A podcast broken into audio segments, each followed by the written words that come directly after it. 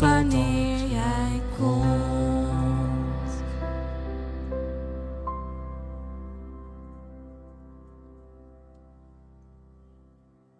Die Psalm 150, die heeft nu al heel, heel wat keren is die al genoemd. Maar wat staat er nou precies? Ik lees hem je voor. Halleluja! Loof God in zijn heilige woning. Loof hem in zijn machtig gewelf. Loof hem om zijn krachtige daden. Loof hem om zijn oneindige grootheid. Loof hem met hoorngeschal. Loof hem met harp en lier. Loof hem met dans en tamboerijn. Loof hem met snaren en fluit. Loof hem met klinkende bekkens. Loof hem met slaande cymbalen. Alles wat adem heeft, loof de Heer. Halleluja. Ja, wat een heerlijk psalm. Vol van lof en blijdschap. Geweldig. Uh, eigenlijk, ja, ik moest ook een beetje mijn best doen om arm niet in de lucht te doen. En zo met die liederen net ook. Het is toch heerlijk om lof te kunnen zingen. En wat toepasselijk op een dag als vandaag. Als we dopen, dan, uh, dan krijg je een loflied in je hart. Daar word je alleen maar blij van. En eigenlijk zou het hele leven zo moeten zijn dat je in een grote lofzang leeft. Ik zou alleen willen zeggen, was het maar waar. Want we weten natuurlijk best dat wij wel uh, met allerlei blijdschap hier kunnen zingen. Maar ik weet niet precies wat er allemaal in jouw hart leeft of in mijn eigen hart. Aan lof, tuurlijk, maar ook aan vragen, aan pijn, aan angst, aan zaken die tegenvallen. Of kijk om je heen. Uh, kijk naar, naar het nieuws of de dingen die om je heen gebeuren op straat. En de grimmigheid van deze tijd.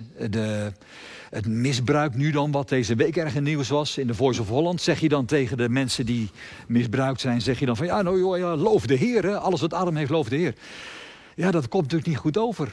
Uh, ga je nu even naar, uh, naar Tonga toe en zeg je van ja, de, de, het is ontploft, die vulkaan, maar loof de Heer. Wacht eventjes, dat werkt niet helemaal. Maar hoe zit het dan precies? Als je die Psalm 150 leest, moet je beseffen dat het Psalm 150 is. Er zijn dus 149 psalmen aan vooraf gegaan. En die 149 psalmen, ik denk wel eens, als je een, een, een, een maand pastoraat doet, dus je gaat mensen bezoeken, en ik zou zeggen, als er nog mensen zijn die met Jeroen aan het pastoraat willen werken, meld je, want het is zo mooi om elkaar vanuit de kerk op te zoeken en met elkaar mee te leven. Vertel eens, en hoe zit God nou in het verhaal? Het is prachtig wat je dan met elkaar deelt. En ook zo belangrijk om te doen. En dat, dat doet Jeroen ook geweldig met zijn mensen. Um, als je een maandpastoraat doet en je legt de krant ernaast... nou, dan heb je zo'n beetje Psalm 101 tot 149 te pakken. Want daar staat alles in. Uh, in, Psalm 100, in de psalmen, die 149 psalmen, daar staat, daar staat over... Mijn God, waarom hebt u mij verlaten? Of uh, ik kom er mensen tegen die zijn tegen mij. Ik ben bang. In diepte van ellende. Maar ook de Heer is mijn herder. Uh, ik ben rustig. Uh, het gaat over vijanden, het gaat over vrienden, het gaat over ziekte. Door ziekte verslagen zijn. Het gaat over de dood en angst voor de dood.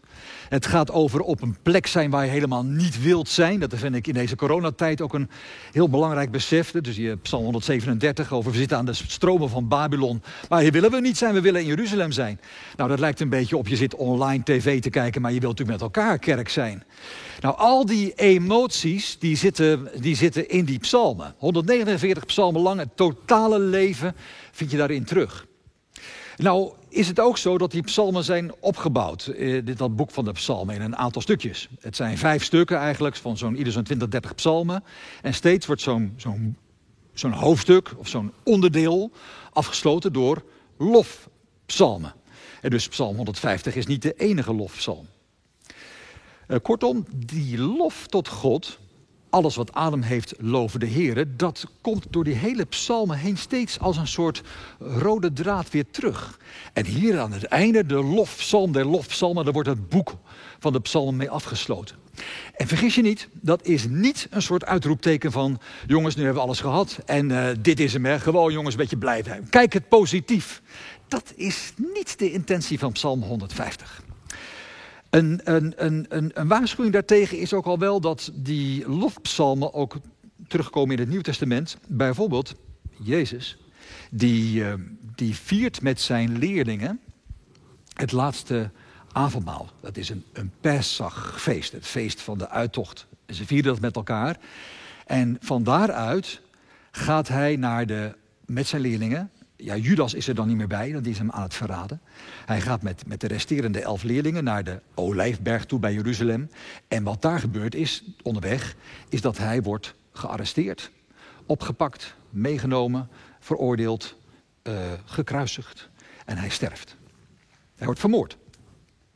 Maar tussen die maaltijd in en die arrestatie staat er Nadat ze de lofzang hadden gezongen, gingen ze naar de Olijfberg toe. Dat is uh, Matthäus 27, vers 30, 26, vers 30.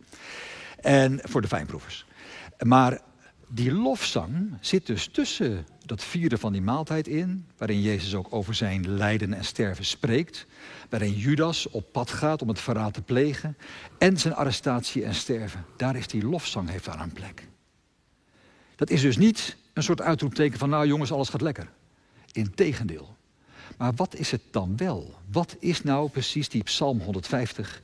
Hoe functioneert die nou? Uh, het is dus niet van je moet lof zingen. En dat zo werkt natuurlijk ook niet. Uh, als je aan een, aan een kinderfeestje denkt. En uh, met al die kinderen kan ik alleen maar aan kinderfeestjes denken die er dan gaan komen. Ehm, als je een verjaardagsfeestje hebt en dan, ja, ik weet niet hoe het bij jullie is maar ik heb dat alleen maar meegemaakt. Dan was er altijd wel ergens halverwege een, een van de kindjes die redde het niet meer. Die begon te huilen. Uh, door te veel suiker, ik weet het niet. Of uh, gewoon uh, te overprikkeld. Of ehm, ja, wil ook een cadeautje hebben natuurlijk. Zoiets. Ik weet het niet. Maar in elk geval, er was altijd wel een kindje, dat ging even niet. Ja, wat doe je dan? Zeg je dan ja, joh, wacht eens even, Jantje. We hebben de slingers opgehangen. feest vieren jij en snel een beetje. Ja, zo gaat het natuurlijk niet. Wat je doet is, dat je even naar het kind kijkt. En denkt van, wat heeft hij wat is er aan de hand? Wat heeft hij nodig? Wat heeft hij nodig om aan dat feest weer mee te doen? Dat het partijtje weer door kan gaan. Hoe krijg je erbij? Dat kan betekenen dat je hem even op schoot neemt en even vraagt... joh, Jantje, vertel eens... Uh, ik noem maar even Jantje, weet je wel. Maar uh, vertel eens van, wat, hoe is het met je? En dat je even, even contact zoekt, dat kan. Maar het kan ook zijn dat dat kindje eventjes apart moet zitten... gewoon even tot rust komen. Dat kan ook. Dat kan van alles wezen. Maar even, je zoekt even dat contact met het perspectief. We gaan weer feest vieren. Doe je mee? Wat heb je nodig om weer mee te doen? En zo kun je Psalm 150 ook zien. Psalm 150 is eigenlijk het perspectief. Door dat hele dagelijks leven heen van die 149 psalmen met zijn hoogtepunten, maar ook met zijn dieptepunten, loopt die draad heen van die lofpsalmen uiteindelijk naar psalm 150, alles wat adem heeft looft de Heer, als een perspectief. Uiteindelijk is God daarmee bezig. Je ziet het vaak niet en soms merk je het ook niet. Maar uiteindelijk is dat de rode draad door heel dat dagelijks leven heen. In het pastoraat, in het omgaan met elkaar, in je dagelijks leven. En soms ben je het helemaal kwijt, maar daar, dat is het perspectief. En wat heb jij nodig, is eigenlijk de vraag ook van die psalm. Wat heb jij nodig om die lofzang te kunnen gaan zingen? Daarbij denk ik dus zelf eerder aan iemand als Johann Sebastian Bach, de grote componist. Ik weet niet of jullie van hem houden. Ja, ik vind hem geweldig. Uh, maar uh, die ondertekende vrijwel al zijn composities met SDG. En of dat nou een, een, een, een compositie was over uh, In diepte van ellende... of een compositie was van Loof de Heer... of de grote Matthäus Passion... Altijd SDG, dat betekent Soli Deo Gloria. Alleen aan God is de lofprijzing. Dat was voor hem de rode draad, het perspectief van zijn componeren en van zijn leven. En hij heeft in zijn leven heel wat meegemaakt. Uh, op die manier die psalm lezen. Ik denk dat we daar iets te pakken hebben wat ertoe doet. Want, um, ja, uh, perspectief. Mm, dat is niet vanzelfsprekend. Dat is een radicaal andere kijk op het leven dan wat je in onze tijd tegenkomt.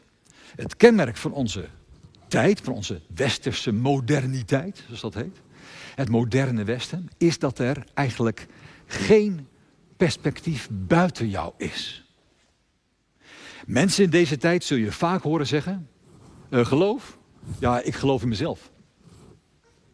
En ook een beetje met die toon, ik geloof in mezelf. Weet je, een beetje met die, met die houding. Uh, het wordt wat agressiever. Want uh, hoe is het? We zien ons eigen lijf als een ding. Als er iets stuk is, dan moet het gerepareerd worden. Punt. We zien gebouwen, ja gewoon als gebouwen. Ja, dat is gebouwd. En dat is mooi of niet mooi. En dat moet misschien weer weg als er iets anders moet komen. We zien de natuur, ja, dat zijn gewoon ja, potentiële bronnen van grondstoffen. En dat halen we eruit. En uh, ja, als, het, als het met het klimaat fout gaat, moeten we een technische oplossing zien te vinden. Er zit geen perspectief in. Het is alleen van, um, ja, dit is mijn leven, wat je ook vaak hoort. En ik wil helemaal geen mensen tekort doen, want ik weet dat er op allerlei manieren staan mensen in het leven. Maar globaal gesproken uh, staan mensen er zo in van, ja, ik, ik, je leeft maar eens. You only live once. En dan moet je dus uh, uit het leven halen wat erin zit, niet? Krijg je dan te horen. Ja, ik ben altijd een beetje uitgepraat dan. Maar ik word ook een beetje koud van. Want als dat het enige is, je leeft maar één keer. Ja, dan krijg je fear of missing out. Dan moet je inderdaad ook alles eruit halen wat erin zit. Want anders je bent bang om iets te kort te komen, om iets te missen. En um, ja, als dat het enige is, you only live once ja, dan wordt het al heel gauw bedreigend als iemand uh, in jouw leven komt die anders is dan jij.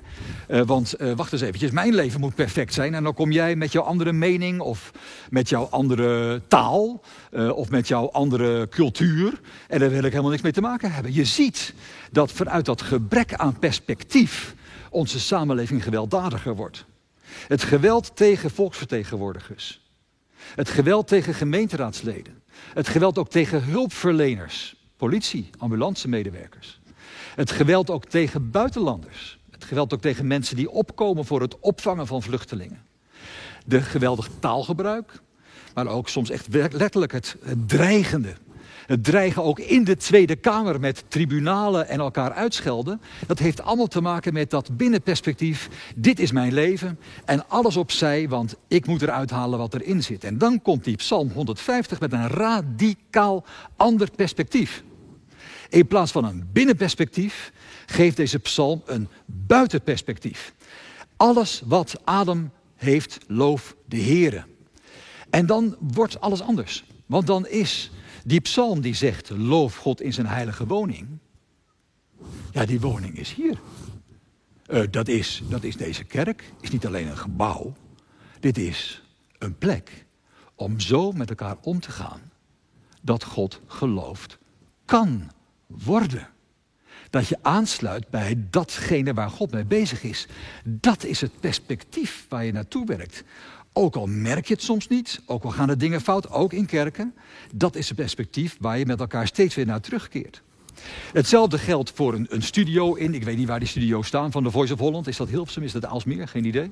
Maar in elk geval, die studio's, ja, kun je zeggen, ja, dat is gewoon een gebouw. Nee, ook dat is het machtig gewelf van de Heer. Werk met elkaar naar de uitzending toe, dat is prima. Maar met welk perspectief? Dat jij beroemd moet worden en dat jij met jouw roem die andere nou, aan je trekken komt, ja, dan, dan, dan komt er misbruik. En onze reflex is om daar regeltjes op te gaan zetten. Om te zetten, ja nou, er moeten meer regels komen over hoe mensen uh, in, op een werkvloer met elkaar omgaan. Dat moet beter geregeld worden. Dat is de reflex. Maar wat ontbreekt is het perspectief. Waar doen we het eigenlijk voor? En dat reikt deze psalm aan. Of je in de kerk bent, of in een studio. Ook online. Je kunt zeggen online, ja, ik, ik zou hier eigenlijk niet willen zijn. Ik, ik zou eigenlijk liever in de kerk willen zijn, natuurlijk. Psalm 137, zoals gezegd, die zingt daarover. Maar ook online is die ruimte, dat is de oneindige grootheid van God. Dat internet is gewoon een stukje van die ruimte, van die schepping van God. En het perspectief is dat je het zo gebruikt dat het leidt tot het loven van God. Alles wat adem heeft, loof de Heer. En dat betekent dat je ook online na kan denken. Wacht eens eventjes, zijn er mensen, binnen deze kring bijvoorbeeld, als gemeente, ook al zijn we niet live bij elkaar, waaraan ik met wie ik kan meeleven? Door een gebed te bidden. We hebben elke week hebben we een weekbrief met gebedspunten. Door een kaartje te sturen omdat er iets aan de hand is. Of misschien pak je gewoon je Scipio-app is en je begint bij de A. En dat is de eerste die je een kaartje stuurt. Ik, eh, ik, eh, ik wens je een, een, goede week en mogen de lof van God ook bij jou een plekje krijgen in je leven. Ik denk aan je. En dat kan toch? Je kunt ook online, van de online gemeente zijn, en dat zal best nog een tijdje onder ons blijven, kun je een plek maken van hoorngeschal, van eh, loven met harp en lier. Dat is het perspectief. En als je de straat op gaat, dan is de straat ook dat hemelsgewelf, dat is de woning van God. Ook dat is de plek voor de klinkende bekkens, voor de slaande cymbalen. Alles wat adem heeft, looft de Heer. Dat is je missie als kerk, dat je de straat opgaat en dat je je als kerk in de samenleving beweegt en zo bezig bent dat mensen God kunnen loven. Dat is de achtergrond van ons diaconaal werk bijvoorbeeld, ook ons missionair werk. Dat je bezig bent om met mensen zo in contact te komen, live, online, dat ze begrijpen dat hun leven een perspectief heeft, dat ons leven een perspectief heeft. En dat we met elkaar kijken of we elkaar kunnen helpen als er armoede is. Of als er eenzaamheid is. Of als er ziekte is. Zodat die lofzang een plekje krijgt in de ontmoeting, in het samenleven. Deze psalm 150 is het perspectief. En hoe moet je dat nou doen? Is dat een kwestie van regels? We moeten, we moeten meer zorgen dat er lofzang komt. Ja, dan kom ik toch even ook bij, die, bij dat stukje wat ik ook in, het begin van de doop voorlas. En dan ben ik ook een beetje aan het einde van mijn overdenking hoor. Uh, die brief van Paulus, die eerste christen. Paulus die schreef dus brieven, er zijn er dertien van bewaard in de Bijbel. En een daarvan schreef hij aan mensen in midden-Turkije, daar was hij ook geweest. Hij was zelf, eigenlijk zou je moeten zeggen, een Joodse Turk. Want hij komt uit, uit Zuid-Turkije, Tarsus. En hij, hij, heeft rondgereisd om mensen met het evangelie bekend te maken. En later schrijft hij dan brieven. En mensen vonden die brieven zo mooi dat ze die zijn over gaan schrijven. En nu 2000 jaar later lezen we die brieven nog steeds. Hij schrijft namelijk, Paulus, wacht eens eventjes lieve mensen. Jullie zijn kinderen. En daarmee ben je erfgenamen. En omdat u zijn kinderen bent, heeft God in ons hart de geest van zijn zoon gezonden die Abba Vader roept. God is dus niet een God door Jezus. Niet meer een God die op een afstand staat en zegt van nou, hier zijn de geboden, ga je gang, doe maar zo goed mogelijk. En uh, ja, anders wordt het niks. Nee, God is een God die een perspectief biedt. Dat kennen we uit het Oude Testament. En Jezus vervult dat perspectief. Hij laat zien hoe dat werkt. Hoe je ook in de tijd van zijn arrestatie met de dood voor ogen die lofzang kunt zingen. Omdat dat het perspectief is waar hij de maaltijd voor viert. Waar hij voor het lijden ook heeft op zich heeft genomen. Om, lofzang, om die lofzang in de mensen vrij te maken tegen zonde en dood en ziekte in. Dat is zijn perspectief. En als mens ben je dan niet vastgebakken aan regeltjes. Maar je bent een kind van God, de Hemelse Vader. En als je een kind bent, ben je ook erfgenaam. Dat wil zeggen dat je, de appel valt niet ver van de boom, dat je op hem lijkt. Dat jij de vrijheid hebt gekregen om op jouw manier, in jouw omstandigheden, op jouw plek, die lofzang als perspectief te blijven zien. In een ontmoeting met jouw mensen te kijken waar die lofzang kan opbloeien, kan worden ondersteund. Omdat God daarmee bezig is en Jezus dat ook in jouw hart legt. Dat is je perspectief. Het is dus een vorm van vrijheid. Dat betekent natuurlijk dat je niet vrij bent om alles maar te doen wat je wil. Nee, de vraag is of jij met dat perspectief wil gaan leven. En vandaar het wilt gaan kijken wat er kan. er zijn 149 psalmen met al die hoogte en diepte van het leven, maar ook met uitroepen, soms hele, hele rare zin dat je denkt van zo, dat is heftig. Heel blij, maar soms ook heel negatief. Het hoort allemaal bij. Je hoeft geen perfect mens te zijn. Je hoeft niet iemand te zijn die het nu uh, kalme lof zingen door het leven gaat, want zo moet het. Nee, wees zoals je bent. Kom tot de Vader. Kom zoals je bent, zoals we gezongen hebben. Jezus maakt je vrij. En ook de doop van vandaag. Door de doop zetten we kinderen die gedoopt zijn met ons allemaal op die weg met dat perspectief. Die doop is niet een soort van, uh, nou nu hebben we ze te pakken en dan horen ze ook bij de gemeente en uh, nou nu, gaan, nu moeten ze doen wat wij willen. Nee, deze doop is het vieren dat het vrije mensen zijn. Dat zij niet onderworpen zijn aan de fear of missing out. Dat zij niet onderworpen zijn aan you live only once. Integendeel. Er is een veel groter perspectief wat ons allemaal omvat en wat ons vrij maakt. En in dat perspectief hebben we gedoopt. Ik geloof ook dat uh, dat heel, heel passend is bij, bij Kruispunt ook als gemeente. Zoals ik dat tenminste meemaak en zie. Ik zie aan de ene kant een gemeente die, die zich aan wil sluiten bij de, bij de traditie. Dat is christelijk gereformeerd, dat is Nederlands gereformeerd, vrijgemaakt komt daarbij, uh, protestants. Uh, daar wil je daar wil je ook, in die stroom wil je ook staan. Daar wil je ook bij aansluiten. Ook bij die, bij die bijbelbeschouwing. Ook bij die manieren waarop die kerkorganisaties eh, vinden dat een kerk moet zijn. Daar, daar, probeer je bij te zijn. En tegelijk heb je als kruispunt ook steeds, en dat is ook het aantrekkelijke van deze gemeente volgens mij voor veel mensen, is dat je zegt, ja wacht even, al die regels is goed, maar er, zit een andere kant aan. Het is niet of of, het is en en. Het is dat dat allemaal helpt en bijdraagt aan een levende relatie met Jezus. Waarin je vrij bent, soms ook juist om, om je ten opzichte van die traditie te verhouden. Dat is niet maar ik doe maar wat, dat is vanuit de Bijbel, vanuit geloof, vanuit gebed om Gods geest, kijken wat is hier geboden, hoe kunnen we vanuit Gods wil leven in verhouding tot die tradities. Daar zit vrijheid in.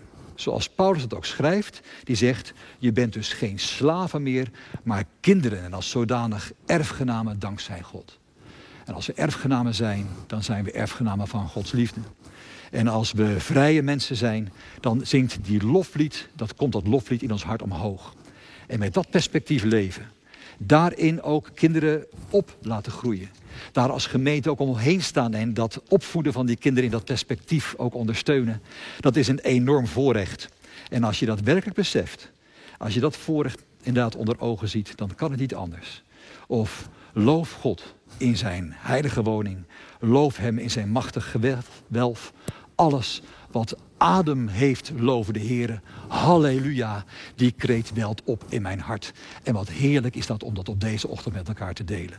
Laten we er naar leven. Amen.